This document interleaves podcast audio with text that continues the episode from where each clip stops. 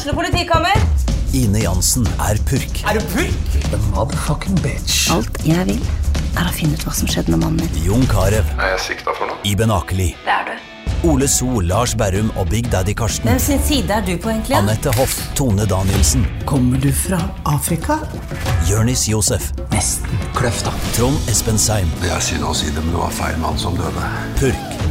Premiere tirsdag på TV2 Play. Ungsamtalen fra DNB er økonomisk veiledning tilpasset deg som er ung. Bokk en ungsamtale på dnb.no. slash ung. Det er kjempebra hvis du skal inn på boligmarkedet, hvis det er drømmen din, liksom. Det er det du skulle sagt. Og så kunne du ropt litt mer, da, sånn som jeg gjorde. Bam! Åh,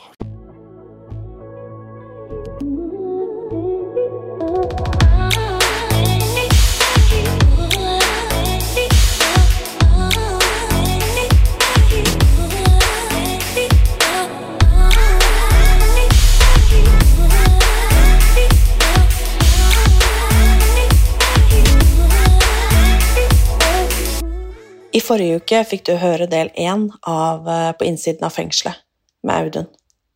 I dag skal du få lytte til del to. Vi fortsetter der vi slapp. Fra da Audun fortalte at han i 2007 bestemte seg for å slutte med kriminalitet. Noe som viste seg å ikke være fullt så enkelt.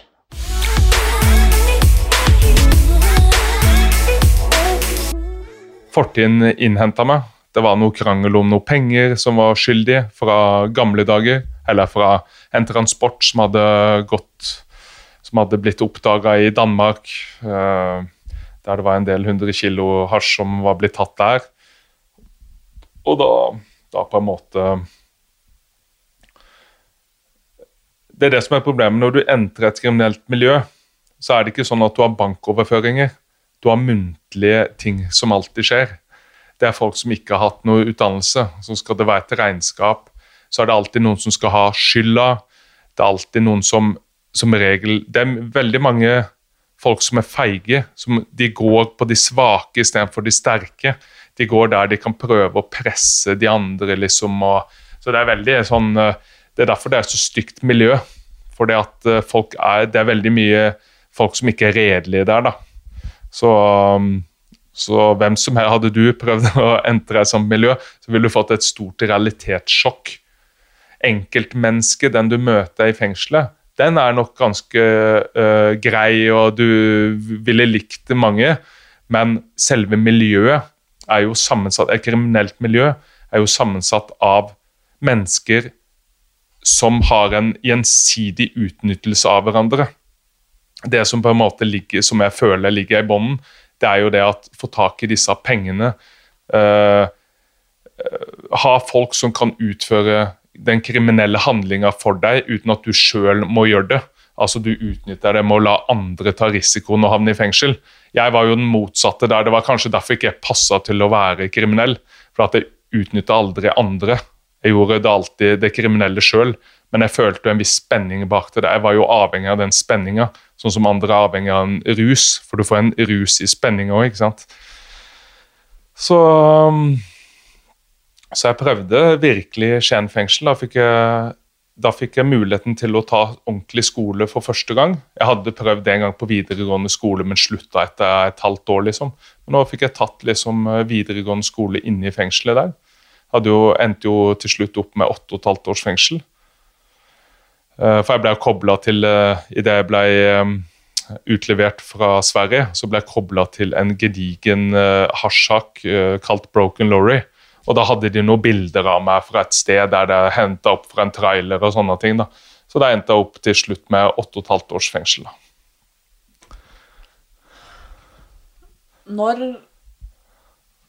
liksom var siste gangen du gjorde noe gjorde noe sånt? Når var på en måte Når stoppa det sånn for ordent- på ordentlig, liksom? På ordentlig? Ja, når liksom Ja. Siste gang jeg gjorde noe kriminelt, var nok i 2015. Um, og det gjorde jeg nok for å gjøre, gi et opp, oppgjør til, tilbake til, altså til et kriminelt miljø som pressa meg en del. Eh, de ville jo ikke, Jeg, jeg satt jo med pga. at jeg hadde sona i utlandet, i Tyskland, i Sverige. Så hadde jeg jo fått kontakter over hele verden. For det var ikke bare tyskere og svensker som sona der. Det var folk fra Mellom-Amerika, fra Spania, fra Mexico. Altså fra alle steder i verden. Og alle ville jo ha kontakt med noen som kom fra Norge. Så jeg satt jo med sikkert 200 kontakter eh, fra hele verden. Og disse kontaktene hadde jo på en måte De miljøene jeg vanka i, de hadde jo interesse av disse kontaktene. Eh, men når jeg slutta, eller når jeg kom i Skien fengsel, så hadde jeg ikke egentlig Jeg ville ikke fortsette med kriminaliteten. Men eh, etter å ha fullført da videregående skole, så begynte jeg på så, så, kunne jeg gå på noe som heter er det videregående utdannelse. Sånn høyskoleuniversitet. Mm. Ja, da hadde jeg sjansen til å begynne på BI og bli flytta over på et sånt en mer åpnere fengsel. Og da valgte jeg det, og da begynte jeg på BI i Oslo. Og det er det dummeste jeg har gjort i hele mitt liv. Uh, for det at um, Det var liksom kjernen episenteret av kriminaliteten min, det var i Oslo. Så jeg, selv om jeg ville ut, så flytta jeg med meg sjøl inn til Oslo. Jeg skjønte ikke det at dette kom til å gå til helvete. Så i de fengselsårene jeg kom på åpent der i rundt 2010-2011 Mer kriminell tror jeg aldri har vært enn de to åra der. Og da var jeg en jævel innafor fengselet òg. Det skjedde så mye alt det som skjedde i de to åra der, kan skrive sikkert tre bøker om. For det var, det var, ikke mye rehabilitering som skjedde inni der. Det var press sant, fra, fra, gammelt av som du måtte gjøre litt opp. Og så var du inne i den der negative sirkulasjonen igjen. For jeg var jo kriminelt betent. Selv om jeg ville ønske noe annet, så var det på en måte Det var ikke noe rehabilitering inne i fengslene. Det var, ikke noe, noe, var ikke noe program for oss som var unge i 20-åra. Det var liksom bare å oppbevare deg og slippe deg ut igjen. Og, men sko, å, å, gå på en skole der og få en utdannelse, det, det satt jo noe med hjernen din. Min hjerne begynte jo å bearbeide seg liksom at oi, det jeg gjør er faktisk feil. Men så mangla en mentor i livet. Og det var liksom det var en sånn der grunnpilar som jeg kanskje alltid har savna. Og en ordentlig mentor. En som liksom kan fortelle meg at du, hva faen er det du egentlig holder på med nå? Er dette her bra for samfunnet, det du holder på med? Tenker du ikke på de rundt deg? For at du blir en kynisk jævel. Du blir kald, du blir følelsekald. Du, du mister en del empati når du holder på med kriminalitet. For du skal skjule noe, og når du driver skjuler noe hele tida, så så mister du litt fotfeste til det normale liv. Uh, eller til deg sjøl, da. Uh, og det merka at jeg gjorde. Og den å komme og kjempe seg da tilbake igjen, det gapet der, det ble bare større og større og større. Så jeg vil si i 2014 så møtte jeg Martha. Og fra den dagen så så har det egentlig vært en kamp for å komme dit jeg er i dag. Hadde det ikke vært for henne Jeg vet liksom ikke helt hvor jeg hadde vært. Jeg kunne vært drept.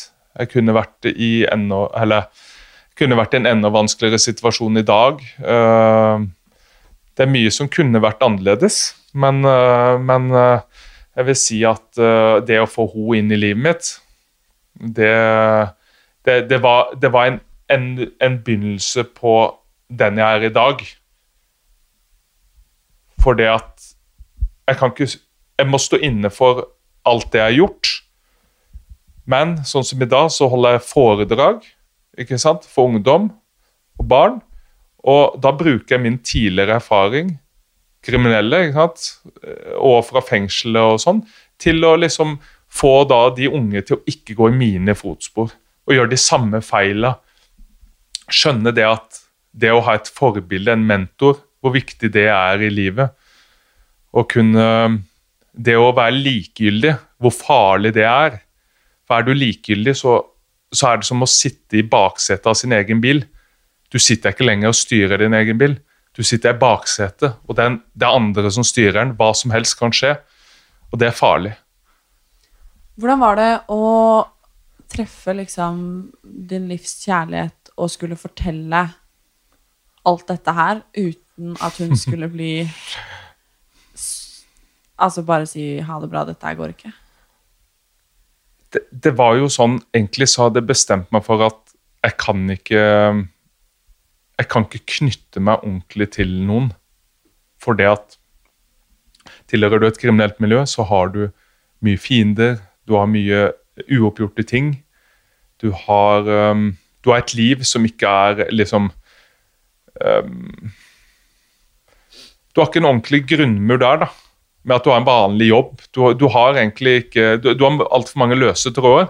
Så da jeg møtte Martha, så var det egentlig det som er litt morsomt. Det var jo det at jeg satt faktisk i Oslo fengsel. Og i 2014 og da, Nei, 2013. Og da så jeg utover øh, hovedveien med Grønland. Og da var det en jente i kjole som, og langt hår som sykla forbi der ganske ofte.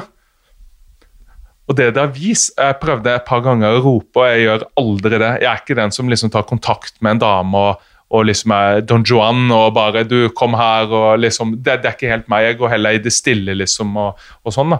Men, og det viser seg ettertid at det var Martha som kjørte forbi der. Hun kjørte fra jobben til eh, leiligheten sin.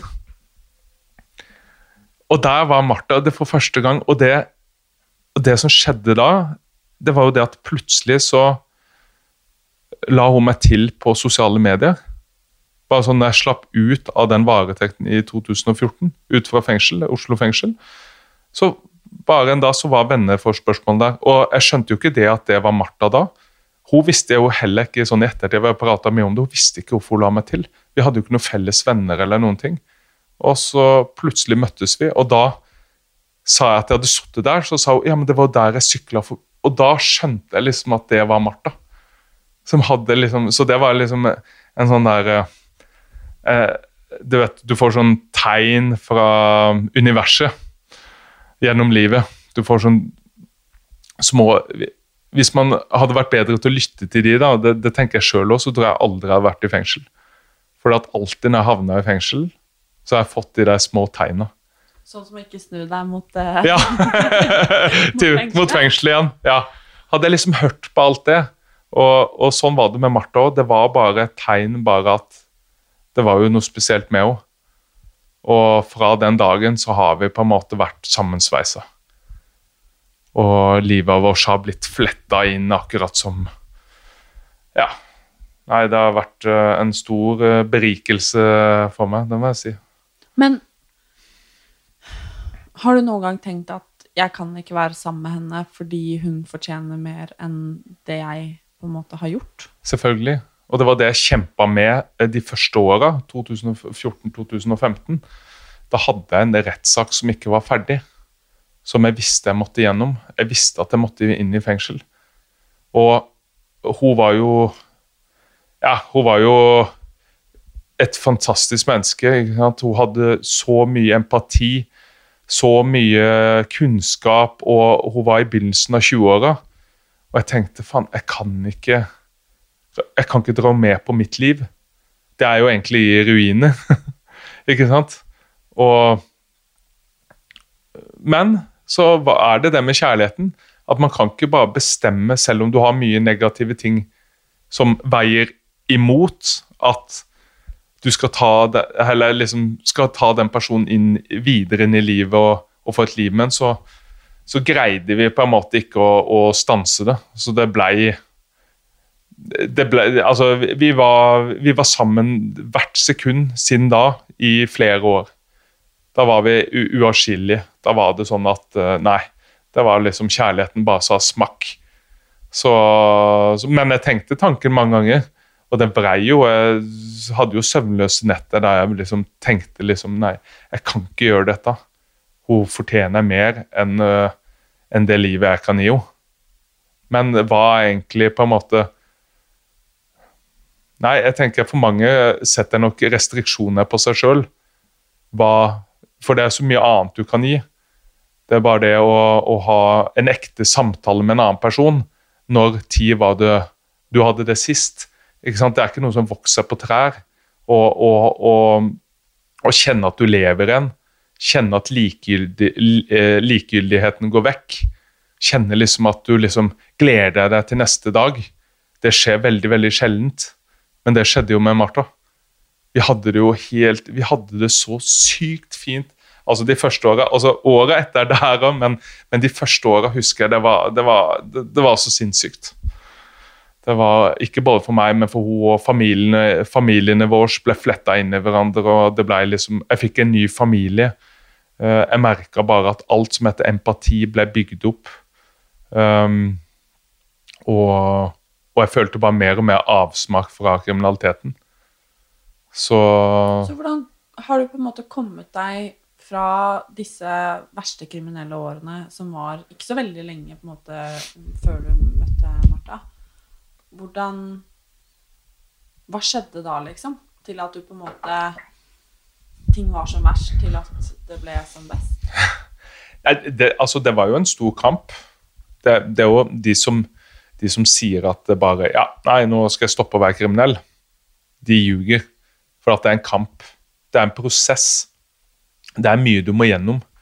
Eh, det er mange prøvelser.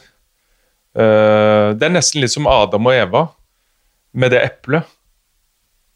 Selv om du vet at det er feil å ta det der eplet, så er det sånn det er feil å gjøre det kriminelle. Du skader, eller du er med å skape mer kriminalitet. ikke sant? Um, så gjør du det allikevel. Hvorfor gjør du det? Du må liksom litt forske på deg sjøl, den dragninga.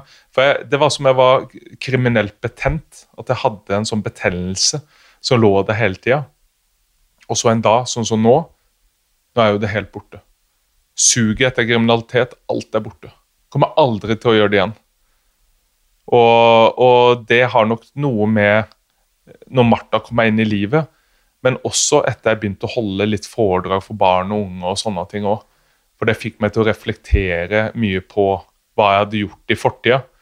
Eh, reflektere på hvordan, hvordan, hvorfor ble jeg kriminell? Hvordan kom jeg inn på de løpebanene? Og og det er jo ikke noe jeg ønsker uh, at f.eks. de er onkel til, skal havne i. Og det å være et forbilde, det gjør jo at du blir mer bevisst på handlingen du gjør. Og uh, For jeg tenkte ofte sånn Ok, jeg hadde to valg. Jeg kunne gå i stillhet og bli ferdig med kriminalitet. Eller jeg kunne på en måte dokumentere det. Og jeg ønska å dokumentere det, for jeg hadde alltid skjult fortida mi. ikke sant?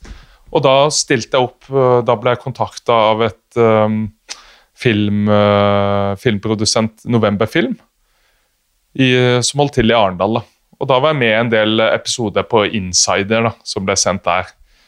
Og da var det liksom, De fulgte de rettssakene som Martha var med på i 2015-2016. Så da var de og fulgte det, for da tenkte jeg vet du hva, la folk se hvordan det livet der egentlig er. Bare for å skremme de litt fra å liksom å, det er kult å være kriminell. Da liksom får du alle damene og smykkene og så mye penger og biler og reiser. Nei, det er ikke så kult. Det handler om å lure hverandre. Falske vennskap som blir basert på utnyttelse. Det handler liksom om det, det, at du får en avstand til det normale liv. Det er så mye negative uh, ting uh, med kriminaliteten, og spesielt når du kommer opp i en rettssak. Hva gjør det med deg som menneske å stå der og må stå, stilles til ansvar for hva du har gjort? Alle, alle de tåpelige unnskyldningene som blir lagt fram i retten. ikke sant? Der, nå har jeg valgt alltid å bare være helt ærlig. liksom Når jeg har tatt meg buksen nede, så er det liksom da har jeg blitt tatt. Så da har jeg bare fortalt hvordan det har vært. Så jeg har vært veldig sånn om å ikke implisere andre da, og sånne ting. Snakke min sak, men jeg har liksom snakka min sak, hvorfor det har skjedd, og at eh, jeg innrømmer det og det. ikke sant? Har du kontakt med noen fra på en måte, om vi skal kalle det ditt tidligere liv? Nei, har, det har jeg vært veldig bevisst på at um, mennesker som har tilhørt min, altså min, i min kriminelle karriere, altså de som har vært en del av det der tannhjulet der, da, at de må, det er en del av min prosess at alle, selv om de er gode venner, og sånne ting, så må de ut av livet. For det at de har ikke noe der å gjøre. Jeg skal aldri bli på noen måte frista igjen. Ikke det at jeg kan bli frista, men uh, det har litt med at uh, Som en alkoholiker da, uh, vil, vil ha gjort. Det er ikke det at du kan, ha, du, kan ha, du kan gå ut på byen og feste og være med mennesker som på en måte har den livsstilen der hele tida. For da, da er det spørsmål før du sprekker. Og Da er det ikke nødvendig å sette seg i den situasjonen for meg, selv om jeg er bevisst. Jeg kommer aldri til, jeg er kvitt det med kriminaliteten. Jeg skal, for, jeg skal, jobbe med forebyggende. Det er den veien jeg har gått, jeg, som jeg ønsker å gjøre. Og som jeg skylder familien de rundt meg, og alle de på en måte som har blitt påvirka av mine dårlige valg. Og det, det, er jo en, det er en viktig del av en prosess. Hvis du mener med hele ditt hjerte at du vil ut av kriminaliteten, så må du ta forhåndsregler. Du må f.eks. Uh, mitt episenter var i Oslo. Da holder jeg meg unna Oslo. Det er ikke sånn, Jeg vet at Martha gjerne ville bodd i Oslo, og sånn, men det sa jeg tidlig fra til henne om. Jeg kan aldri bo i Oslo mer. For det at jeg kjenner for mange kriminelle. Må, vi må flytte til et sted der jeg ikke kjenner så mange kriminelle. Og Da flytter du på en måte bort fra dette her miljøet, og så skifter du nummer. Uh, du, du på en måte det, er en del sånne ting Selv om det, blir et savn, det blir på en måte en tristhet inni deg, du vil ha mindre venner, så er det en prosess du må igjennom. For du vil skape deg nye venner. Med en gang de normale menneskene i Eller normale, hvem er egentlig normal? Men i samfunnet, altså Når samfunnet ser at du ikke er kriminell lenger, at du på en måte jobber, du, du gjør dine ting, så vil det ta deg imot. Men det er ikke gjort på en dag. Det er jo en prosess over år. Så du må legge til at du må, du må sannsynligvis være litt ensom. Du må føle litt på den, at du ikke har de samme vennene, det samme nettverk som du hadde før. Og Det er noe du tar du et oppgjør med deg sjøl, og du, du, gjør som meg, så er det en del av gamet. Har du truffet på en måte ettertid helt tilfeldig, altså på butikken eller altså hvor man, du nå har vært, har du truffet noen som du aller helst ikke vil treffe på? Ja, absolutt. Eh, det er jo hver gang jeg så vidt er inne i Oslo så er det en eller annen sånn jeg møter på. Og da er det bare hei. Eh, det liksom eh, Det går fint. Men jeg har også møtt på møtt på på mennesker som eh, jeg har hatt litt klammeri med. Som da tilfeldigvis har kommet Som jeg har møtt på gata og sånne ting. Og som regel så går det, går det greit. Men det er jo, det er jo utfordrende. Um, du må ha en taktikk hva du, hva du gjør, og hva, hva du gjør f.eks. hvis du skulle bli angrepet. Da Da må du jo gjøre Du må ta dine forhåndsregler da. Jeg er jo en Altså, jeg er jo ganske trygg på meg sjøl. Jeg har jo på, holdt på med kampsport i stor del av livet mitt. Og det er det, de tingene jeg har gjort inne i fengselet òg. Så jeg vet jo at, hva, hva, jeg kan gjøre og ikke gjøre. Så jeg kan beskytte meg sjøl og beskytte de rundt meg. Men det er ikke ønskelig å gjøre en ny straffbar handling eller havne i et problem. Så det beste er å liksom løse det med dialog og bare forklare det. Du, vi har hatt vårs, øh, øh, vårs, øh, vårs uenigheter, uenigheter mm. før, men nå er jeg ferdig med det livet. Du kan bestemme sjøl. Har du nummeret mitt, så gir jeg nummeret, så ikke noen andre skal plages med det. Og så, og så tar man det ut fra der. Men det, du får, det, det, ubehagelige situasjoner får man uansett. Og det, det, må du beregne. Og ja, vi, vi har absolutt hatt det. Men sånn som når det ringer på døra, sånn som nå? Ja. ja du, må, du, må, alltid være på vakt. Syns du det er ubehagelig? Hvis du ikke vet hvem som kommer? Nei, jeg syns ikke det er spesielt ubehagelig, men, uh, men, det er liksom Vi har jo et videokamera som identifiserer alle som kommer, uh, kommer hit, på en måte. Eh, det er jo en forhåndsregel vi har tatt oss. Eh, så f.eks. hvis jeg er bortreist eller ikke er hjemme, så, så har Martha i hvert fall den tryggheten. da, At du kan se litt hvem som kommer, hvem som banker på. Og, og, men det er jo noe Det er det du må regne med i mange mange år framover. Vi har hatt folk på, altså på Jeg husker for et par år siden. Ringer det på som bare det på døra. Martha, akkurat Det er her vi sitter nå. Satt vi. Pluss en venninne av Martha fra Oslo. Og vi ser skygge, noen som går rett framfor døra der med glasset der. Og liksom, jeg ser at det er noe galt. Så sier jeg til Martha du, jeg går ut. Og så går jeg ut, tar døra opp litt. Uh, vet at jeg har jo mine forhåndsregler i nærheten hvis noe skulle skje. Så, så der sitter det en blodig fyr. Han blør overalt. Ansiktet overalt. Og han sier det er noen uh, torpedoer som er etter meg. Eh, de skal ta meg, de har kidnappa meg, og de sitter i bilen på utsida der. Og, øh, og jeg, øh, kan jeg komme inn? Så sier jeg nei, du skal ikke inn i det huset her, men jeg kommer ut. Så jeg går inn til Martha. Så sa jeg, vet du hva, nå går jeg ut til han, lås døra, ikke åpne for noen. Så tar jeg med meg en jernstang ut, og så går jeg ut til han her øh, personen som er livredd. Jeg så døden i øynene hans, liksom, skjønner du. Han var, han var helt oppspilt. Så sa jeg nå går du bak her sånn, og så gjemmer du det her. Så skal jeg ordne at uh, Skal jeg ringe noen ambulanse eller noe sånt, sa jeg. Og så, går, så går jeg ut for å leite etter denne bilen da, med disse her eh, kriminelle. Og da, da er det eh, Da går jeg fram og tilbake i gata liksom og leter etter dem. Og når jeg kommer tilbake, så har jo han rømt, han der eh, Han som banka på blodig på døra vårt. På døra vår. Og så plutselig så begynner de jo Noen naboer har jo sett dette, da, for han har jo vært og ringt på flere dører og sånne ting som, som ikke har åpna. Så plutselig løper det jo bevæpna politi overalt her og sånne ting. Og det gikk ikke veldig lange stunder. Så jeg tror politiet er veldig bevisst hvem som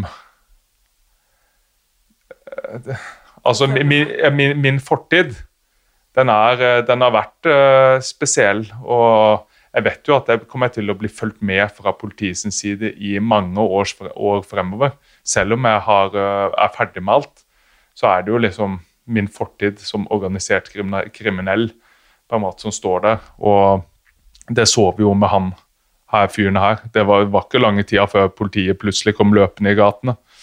Så, så, det var liksom en sånn episode som fikk deg liksom til å tenke litt, da. Mm. Men Så, du har jo eh, vært sammen med Martha lenge, Mm. og det har jo også gjort at du har gått glipp av en del, eh, del anledninger. Ja. Eh, Sånn som f.eks. julefeiringer. Og sånt. ja. Hvordan har det vært å på en måte, når du vet at det har vært viktig for henne, og ikke kunne være til stede fordi at du har sittet inne? Jeg gikk jo inn i 2017, sommerstid. Så i 2017-2018 så måtte jeg jo feire eh, bursdagen min i fengselet. Og det var jo ganske spesielt å tenke på at da satt jeg på høyrisikofengsel. Og i Åna, blant annet. Og da, da var det liksom uh, Martha var jo veldig lei seg for at ikke jeg kunne komme ut. og uh, Det gikk noen tårer der, og sånn, for hun er jo et julemenneske. Og, og da kjente jeg skikkelig på samvittigheten at, at jeg ikke kunne være der med henne. og sånne ting da. Og da hadde de øh, I jula så hadde de tatt og De hadde kledd opp en sånn dokke. så de hadde dressa den opp, og så hadde de klippa ut et hode av meg fra et bilde. Og den var, ble plassert med matbordet, da. Midt imellom liksom alle, da. Så der satt jeg. Så jeg fikk jo noen sånne bilder inn i fengselet, da. Men du var fortsatt med oss i jula, og liksom Og det var så koselig. liksom Det gikk gjennom bilder med meg og sånne ting. Og, så det gjentok seg i to år, det med denne her papp-Audun. Pappfiguren Audun. Så du var litt mer likevel? Ja da, jeg var dressa opp, og bildet var der, vet du. Og, nei, det Men jeg vet jo at jula var det 2019. Det 20 er veldig spesielt. 2019, da var det spesielt, for at jeg hadde jo da sona For det var vel tredje året. Slutten av tredje året. Lille julaften så kom det en beskjed. Audun skal løslates. Og den kom et par dager før, da. Og på lille julaften skal han ut. Og da bare Det var jo Jeg tror det var den beste jula vi har hatt. eh, siden jeg kan huske fra, fra jeg var veldig barn-barn. Det var som uh, Martha, vi plan, Martha var helt vill. Hun skulle komme da den 23. desember. Skulle hun stå på utsida der tidlig på morgenen uh, og møte meg sånn, da. Og sommerfuglene fløy jo overalt. og det var liksom, Hva skal jeg ta på meg? Liksom, hva Kom hun til å komme opp helt opp til fengselet på Åna? Uh, hva skjedde? Så når jeg gikk ut den døra på, i fengselet i Åna, så sto Martha der. Og jeg husker vi løp mot hverandre, og det var, det var en god følelse. Det var, helt, nei, det var helt ubeskrivelig, den følelsen der. Og da sto mora til Martha og Martha der. Og de hadde med masse digg mat, og da kjørte vi, kjørte vi hjem til de da, og hadde tidenes eh, julefeiring. Det var, det var, skikkelig hyggelig, og da var vi der Vi hadde et dilemma, fordi at Martha hadde lovt seg bort til familien i Bergen. For det var liksom hun sin Den tida de, hadde, de kunne være samla, på en måte. da. Og og mine eh, foreldre med min søsters barn og de er onkel eh, til og sånn, de var i Arendal hos, eh, hos, mine foreldre. Så da sa vi ikke noe til de at, vi, at jeg ble løslatt på lille julaften. Så vi dro på julaften og feira der med de. Og så dro vi over vidda fra Bergen og til mot Arendal. Og på veien da så tok vi på oss nisseutstyr og kledde oss skikkelig. Det tror jeg vi også har noe bilde av. vi sto med veien, alle tuta som kjørte forbi oss og sånne ting. Vi lo masse da vi holdt på med det, og, og så tok vi på oss, og så dro vi hjem. Og så ringte vi på, og da satt jo alle der og spiste middag. Det var bare søstera mi som visste at det var blitt løslatt. Vi måtte ha én insider, på en måte. En vi hadde, så vi hadde litt kontroll på situasjonen. Og da, uh, når de ringte på og nissen her, og jeg hørte bare mamma sa ja, be de komme igjen seinere. og så gikk jeg bare inn, og da tror jeg i hvert fall min mor hun fikk et skikkelig sjokk. Hun bare Du ser kjeften hos søstera mi filmer alt. Og du ser jeg kommer inn der og Ja, ho, ho, ho! Har du vært noen snille barn og voksne her denne jula? Og så var det bare ingen, eh, ungene også var helt forskrekka, for at plutselig kom Martha inn. Og da begynte de å liksom Kan det være onkel Audun? Men han skal jo ikke være ute nå. Og det, det, var et sinnssykt øyeblikk. Når de da oppdaga at det var onkel Audun, da vet du hva, da gikk det mange tårer i stua, altså. Det var, det, var en, det var også en av mine fineste opplevelser noensinne. Og det var det også Martha som hadde planlagt. da. Så, og det er en av Martha sine store egenskaper, det, det å planlegge ting og overraske andre. og Være et sånn genuint uh, bra menneske. da. Så For du har jo da hatt en del juler i, uh, i fengsel alene òg. Vi hørte ja. litt om denne Tyskland-accidenten. Men hvordan har det vært å sitte i fengsel i Norge i jula? Det Vet du hva? Eh, vi har jo da noe som heter Frelsesarmeen. Og hadde det ikke vært for de, så hadde jula egentlig vært nitrist. For det du gjør i jula i norske fengsler, det er, eh, det er mye å sitte på cella. For det at jula er en dårlig tid der det er lite betjening. Mye, det, er, det er liksom Helgerutinene i fengsel det er de verste. For da er det ekstra mye innlåsning. I vanlige hverdager så er det vanlige rutiner. Og da blir de juletidene de blir som helgerutiner. Og Du får selvsagt litt grei mat og litt sånne ting. Kommer an på hvilket fengsel du soner i. og sånne ting, ikke sant? Men, men jeg husker spesielt uh, i 2012 så satt jeg på Ringerike fengsel. Og da skulle vi ha en uh, konkurranse. En pepperkakekonkurranse. Hvem som kunne lage den mest kreative uh, jule hendelsen ut av dette her eh, De pepperkakedeigene. Og da var det, det var Frelsesarmeen som sto bak det. da. Og da var det eh, en konkurranse på mellom åtte avdelinger der som skulle lage én sånn ting hver.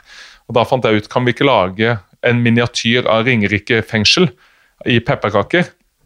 Så gjorde vi det, og så sa jeg det mangler noe foran der. Så tenkte jeg liksom Det var i, 20, det var i 2012. Og det var en forferdelig hendelse på Utøya som var skjedd. Og, Og jeg tenkte liksom eh, vi, må, eh, vi må på en måte ikke, ikke minnes det, men man må ikke glemme hva som har skjedd, selv om det var jula. Så jeg lagde på en måte eh, Jeg lagde ja, han fyren som hadde gjort dette, og så lagde jeg liksom da mennesker som hadde på en måte ehm, Ja, som det hadde hendt noe med. Uh, og når Frelsesarmeen da kom, så trodde de at at jeg hadde lagd en dirigent Altså en, at jeg hadde lagd en, en, en sånn juleorkester. Men det var ikke det jeg egentlig ville fram til. Jeg ville fram til at alle de ofrene man tenkte på. Ikke sant? Eh, og da vant vi hele den konkurransen pga. det orkesteret. Men det var litt surrealistisk, for det, det, egentlig, det, var det at vi aldri måtte glemme hva som var skjedd ikke sant, et år tidligere. Det var det jeg tenkte på. ikke sant? Så det, det var liksom, sånn, en sånn episode som litt har brent seg fast. da. At det ble litt sånn der eh, awkward, det hele. Så ja, ja. Så, så, så, så det, det var en episode jeg husker veldig godt da, fra jula i et norsk fengsel. Det var når vi liksom fikk litt frie tøyler, kunne lage litt sånn, ha litt konkurranser og sånn. Og, uh, og så er det alltid et eller annet juletre som blir, uh, som blir tatt opp i fengslene, liksom i, i avdelinga. da. Men det syns jeg bare er trist. For da må du tenke så mye på ekstra på de der ute. At du går liksom inn i en sånn der uh, Hva kalles det? En boble. Og den bobla, hvis du har altfor mye kontakt med uteverden, så begynner du å savne mye mer. Du kjenner på det der eh, tankekjøret og sånne ting, istedenfor at du bare lar ting bare være konsentrert om den der Big Brother eh, eh, falske verden du havna i. For da smerter det ikke så mye. Men med juletre og sånne ting, så begynner du å tenke på sånn barndomsminner og hvordan det var liksom før man blir kriminell, før den tida på barneskolen, før alt, egentlig. Og da, da blir det en sånn derre en, en stor kontrast, egentlig. Og jeg, jeg har jo veldig interesse av å snakke med, med mye mennesker eller mye an, eller andre innsatte når jeg, når jeg er i fengslene. da. For jeg har jo vært til sammen i 30 fengsler nå. I Norge, Sverige og Tyskland. Og da har jeg truffet mange har alltid vært veldig inter interessert i de sin bakgrunnshistorie. Så jeg har jo begynt på en bok der jeg liksom har skrevet litt om alle de jeg har truffet inne i fengslene. og de sine korte versjoner av historie. Det kan være en halv side, det kan være to sider, hvis du skjønner. da. Hvordan de ble kriminelle og sånne ting. Og det som går igjen, det er, eh, det er når tilliten mellom barn og voksne blir brutt. Eh, Der de opplever dramatiske ting. Det er det mange som havner på ville veier da. Og da, det gjenkjenner jeg meg eh, så veldig godt igjen i sjøl. Og eh, så det, det er noe kanskje Det er å bite merke til for i hvert fall voksne. da, At når den tilliten da blir brutt, så er det mye større sjanse for at barnet kan havne på feil veier når de blir litt eldre. da. Jeg lurer på ting, for Mm. du har jo uh, smugla mye dop. Ja. Ekstremt mye dop. Har du noen gang tenkt på all den skaden det dopet har gjort? Selvfølgelig. Jeg har jo en eh, onkel selv som har vært narkoman i 25 år. Ja. Og jeg, jeg, jeg husker når jeg fikk vite om det, da var jeg Hvor gammel var jeg da? Eh, 10, 11, 12 kanskje. Da jeg fikk vite at han var narkoman, at det var Mm. derfor ting var som de var. Ja. Eh, og da husker jeg at jeg var så sinna på de som ga han det. Ja. Og så har jeg lært mye siden. Det begynner å bli ganske mange år siden. Men jeg lurer på det liksom Har du, har du reflektert over det, sånn spesielt i ettertid? Ja, selvfølgelig. Og det er jo det er jo derfor jeg ikke kan gå bare stille i dørene. Det er derfor jeg skylder på en måte Nå er det hovedsakelig cannabis jeg har smugla. Men som alt annet, man tenker at cannabis er kanskje ikke så farlig, men det fører jo til kriminalitet på mange andre fronter. For alle som selger cannabis, de holder på kanskje med andre ting også. ikke sant? Exi, kokain. Så du er jo, du er jo indirekte med på å finansiere disse folka også, ikke sant? Så jeg har jo tatt eh, Når jeg tok standpunktet, så var det jo for at eh,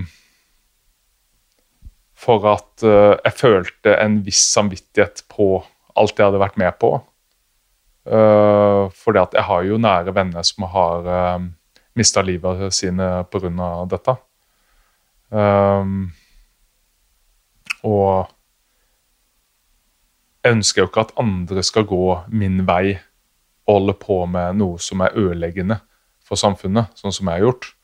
Og da er det å kunne holde foredrag og få, få noen sånn mini-Auduner til å ikke gå de veiene der, det er på en måte min, min måte å gi litt tilbake til nå, da. På alt det um, På alt det jeg har vært med på. For det har vært ødeleggende. Det har vært, uh, det har vært noe jeg kjenner på ganske ofte. At i dag så kan jeg ikke helt forsvare min tankegang egentlig på Det burde jo ha stoppa meg, bare den samvittigheten der. Men når du blir kriminelt betent, så er det som konsekvenser bare flyr av gårde. Du glemmer at du er en del av et tannhjul som er ødeleggende for hele samfunnet. Og Det er det som kanskje, det er det jeg legger litt mer vekt på på de foredragene. At ja, selv om cannabis ikke er det mest ødeleggende for uh, ungdom, så allikevel så er du med i å finansiere andre ting som er ødeleggende. Men du tenker ikke på det der og da, og du bruker unnskyldninger for å ikke få uh, For å ikke kjenne på din egen samvittighet når du er midt oppi det. Og, og det er jo Ja. Nei, så det er ofte tenker jeg på, på handlingene som er gjort, som ikke er noe ålreit i det hele tatt. For det er ikke, det er ikke den Audun jeg er i dag. For nå, du vil, ingen i hele verden ville fått meg til å gjøre noe som helst med noe som heter narkotika. Eh, heller ikke noe kriminelt generelt. Så Hva er det du angrer mest på sånn ettertid? Det jeg angrer mest på mm, Det er jo at ikke åpna øynene for mange, mange år siden. At det fortsatte. For, for blant annet første gang jeg var blitt tatt. Hvorfor fortsatte jeg når jeg liksom uh, Når jeg blei bevisst på at at det var så feil det jeg holdt på med. Allikevel så ble jeg tatt igjen og igjen og igjen. Det var Hvorfor var jeg ustoppelig? Hvorfor kunne jeg ikke bare lytte til Jeg vet jo Familien min har jo alltid vært imot sånne ting. Ikke sant? Hvorfor uh, kunne jeg ikke respektere de nok og kutte ut det jeg holdt på med? Bare, altså Og så hører du historier liksom fra Fra ja, Jeg husker bare spesielt en historie fra i Arendal, da. Der det var uh, to små Eller barn da, som hadde mista begge foreldrene sine til rus. da. Nå er det aldri sånn at Jeg har ikke liksom smugla hard narkotika. hvis du skjønner. Det er jo heroin, ecstasy, alt det greiene der. Uh, for det er jo det som dreper. Men Men, uh, men du, du, tenker på det når du har min fortid. Jeg har jo naboer som liksom trekker seg unna, som har trukket seg unna før. og, og og jeg skjønner det egentlig godt, for det er mye dritt man har gjort. altså. Det er ikke noe man er stolt av på noen slags måte, men nå har jeg nå alltid en historie som jeg føler Hvis den dør bort, så dør alle de jeg kan hjelpe til å på en måte få retta opp i livet sine. Så det er jo derfor jeg, jeg, kan fortelle de historiene. Ja, jeg kan fortelle de med litt munterhet i dag til deg, men, men, eh, men det er mange offerhistorier på en måte jeg kunne også fortalt her, som ikke hadde vært like gøye som er De er såre å åpne de dørene der, merker jeg. Jeg hadde jo en bestevenn som døde av dette. Allikevel så fortsetter jeg. ikke sant?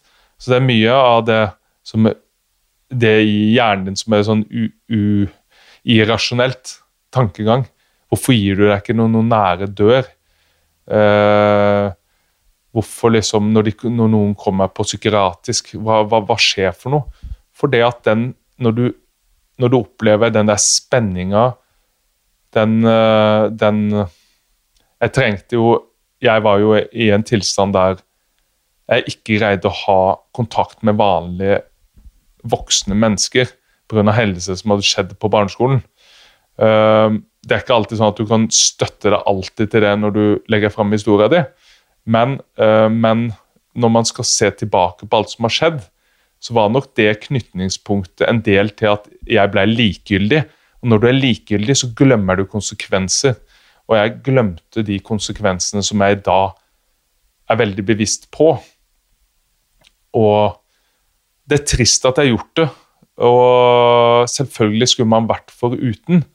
Men jeg tenkte gjort er gjort. Jeg kan ikke styre det jeg har gjort, og, og, og på en måte Da kan jeg heller bruke den erfaringa til å gjøre noe konstruktivt rundt det. Sånn som i dag, når du på en måte har, har denne her podkasten, så kan jeg stille opp. Det er ikke for å promotere meg sjøl at jeg har levd et fantastisk liv og vært kriminell og sånn. Det er jo for at jeg håper noen der ute kan øh, kan ta lærdom av av det en, en med min erfaring innenfor det kriminelle har. For hvis jeg kan lære bort fra mine erfaringer der, så vil det jo si at jeg kan eh, potensielt redde ganske mange fra å gå i, oppleve et dårlig liv. Eller kanskje de har noen som, som da uh, holder på å havne på utsiden. Og det er jo min motivasjon på en måte for å stå fram og holde foredrag og sånne ting. Så ja. Jeg er veldig, veldig glad for at du uh, ville stille. Og for at du uh, deler fra det livet. Og jeg merker jo at jeg Det er jo litt å få bakoversveisa. Mye av det. Og det er så rart også, det der med, med kriminelle og man har jo et visst type bilde av det. Mm. Og jeg har snakka med en del nå, og det er litt sånn som jeg pleier å tenke litt sånn Det er irriterende nesten hvor godt jeg liker deg. for at Nei, men for at man hadde hatt så mange grunner til å ikke gjøre det. Ja. Og det der å lære på denne måten at Og mennesket, liksom at det er en grunn til at ting er som det er, uten at det forsvarer noe. Mm. Det er eh, Jeg tror det er uh, viktig. Og jeg uh, Jeg uh, Ja. Veldig, veldig lærerikt. Tusen takk. Jo, det er vel jeg som skal takke. Så det var hyggelig at du hadde lyst til å belyse temaet. At du valgte meg som en av, eller den eller en av de som du hadde lyst til å, å, å høre litt fra. da.